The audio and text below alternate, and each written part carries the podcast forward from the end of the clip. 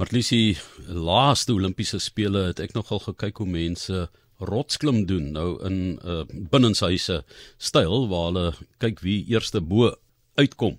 En dit is absoluut ongelooflik om te sien hoe daardie klipsalmanders en likkewane ek meen dit lyk asof dit tipe reptiele is wat weet hoe om 'n rots te klim. Die mense wat daar te mekaar gekompeteer het suid-afrikaners ook.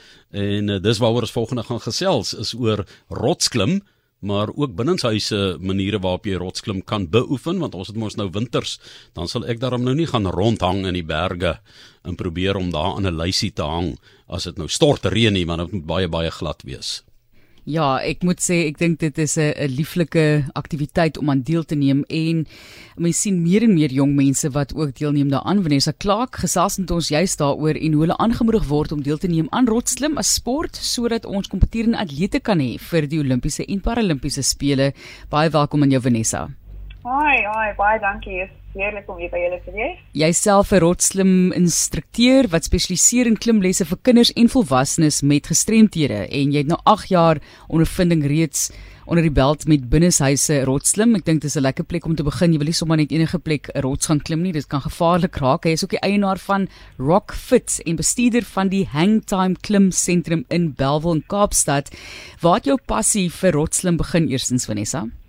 Uh weet jy, ek het hier 'n moeilike tyd in my lewe gegaan en ehm um, ek het iets nodig gehad, 'n aktiwiteit, 'n sport. Ehm um, en ek het uitgevind van binnehuise rotsklim en dit het my nogal heel verbaas dat dit so toeganklik is.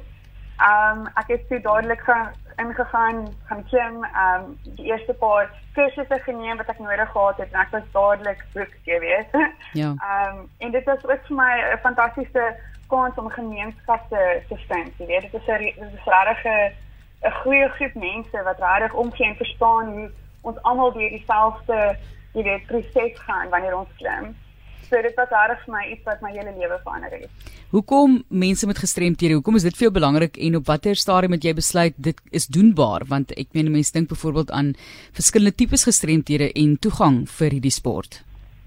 Absoluut. Ehm um, ek het groot geword saam met 'n uh, ma wat baie betrokke is met ehm um, gestremdhede en daai van dinge. So dit was nooit vir my ver afgewees nie, maar ehm um, dit het reg begin toe 'n uh, ma na my toe gekom het met twee autistiese seuns.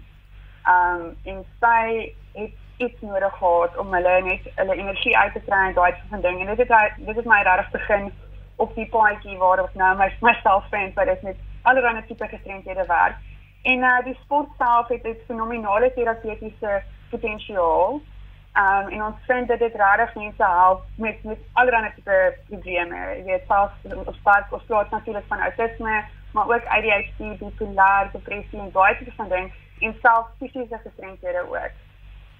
Kom ons gesels oor die toegang tot hierdie sport. Hoekom is dit belangrik vir julle natuurlik om atlete te hê om ons te gaan verteenwoordig by die Olimpiese en Paralimpiese spele? Want is dit alreeds wêreldwyd 'n groot sport op daardie vlak?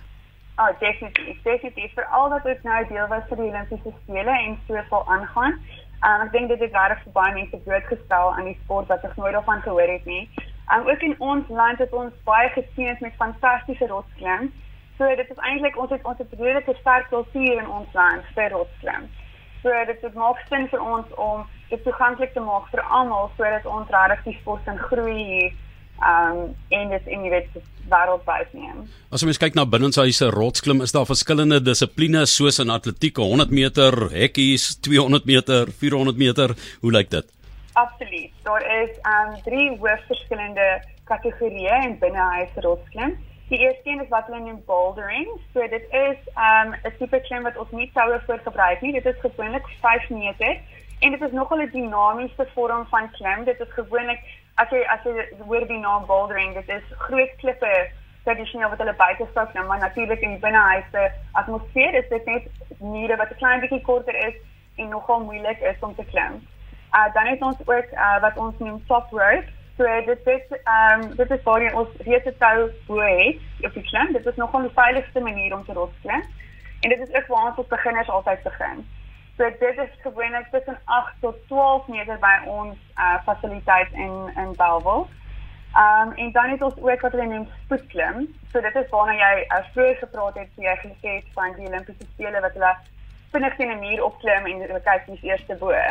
So dit is ook 'n vreeslike dinamiese, fantastiese vorm van klim om te um om te sien en dit is 'n uh, hele dissipline op sy eie. Harde werk, harde oefening as 'n mens gaan kyk na amper die seningerige voorkoms nê van geoefende lywe. So elke dissipline gaan ook vra vir 'n ander tipe bou en lyf.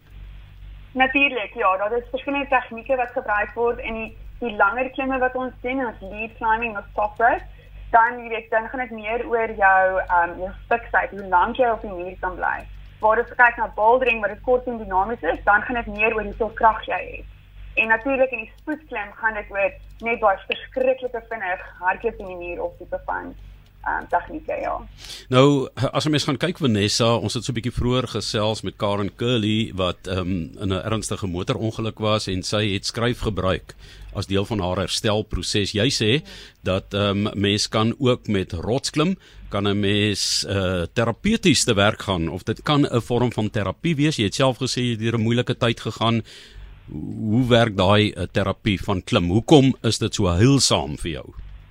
Wel, eerstens is dit 'n volle liggaam tipe van uh, oefening. So dit gaan werk soos vir al wat jy nou uh, praat van jou ons um wat ons praat van behendigheid en hoe goed ons ons hande kan gebruik. Rotsklim maak jou hande vreeslik sterk. So dit gaan definitief in daai areas help. Ons vind dit is ook baie goed vir dit fiksheid wat altyd belangrik is vir almal, maar ook balans, proprioceptie, um jy weet hoe om uh iets hoe om hard te werk om iets te oorkom dit is ook 'n belangrike les vir almal van ons.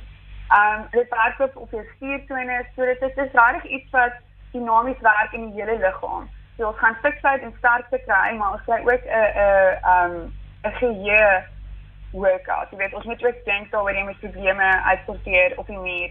So dit is ook 'n goeie manier om ontslae te raak van al daai, jy weet, al die gedagtes wat rondhardloop in jou kop en net 'n bietjie stil maak en net fokus op hierdie spesifieke aktiwiteit. Wat is van die terugvoer en dalk is dit ook wat jy nou genoem het, daardie stil raak en fokus op 'n aktiwiteit. Ek ek het nou die dag so 'n bietjie gehelp om pakkies op te maak en dit is nogal lekker om net te sit en net een ding te doen wat wat jou heeltemal wegneem van enige ander tipe van gedagtes. Al wat jy fokus is op op daai aktiwiteit of aan dink. Ja. Die terugvoer van uh mense wat jy mee werk ook en mense wat baie keer ontmagtig voel wat dan dalk ook deur hierdie aktiwiteit bemagtig voel. Absoluut. Vir my is dit die meeste magtige ding wat ek ooit in my lewe gedoen het, want jy begin, jy kyk na hierdie ding, dit voel asof dit iets is wat onmoontlik is. Maar met oefening en met hard werk, hard werk, kan jy dit oorkom en daai is die mees fantastiese gevoel. En ek dink as jy enigiemand vra hoekom klim hulle, is dit vir daai rede. Daai gevoel wat ons kry as ons weet as jy moet werk en werk en werk en finaal eers uiteindelik kom jy daarbo uit. Daai gevoel is regtig iets wat wat verskriklik goed is vir jou siel. So, die toekoms gee vir ons 'n bietjie insig in wat voorlê en daardie gemeenskap betrokkenheid wat julle ook het. Wel vir ons die sport as 'n geheel in Suid-Afrika is besig om te groei en ons het gegaan in die laaste, jy weet in die laaste 12 jaar van een binnehuise fasiliteit in Kaapstad na vyf van hulle waar ons nou staan. So dit is regtig iets wat aan die groei is.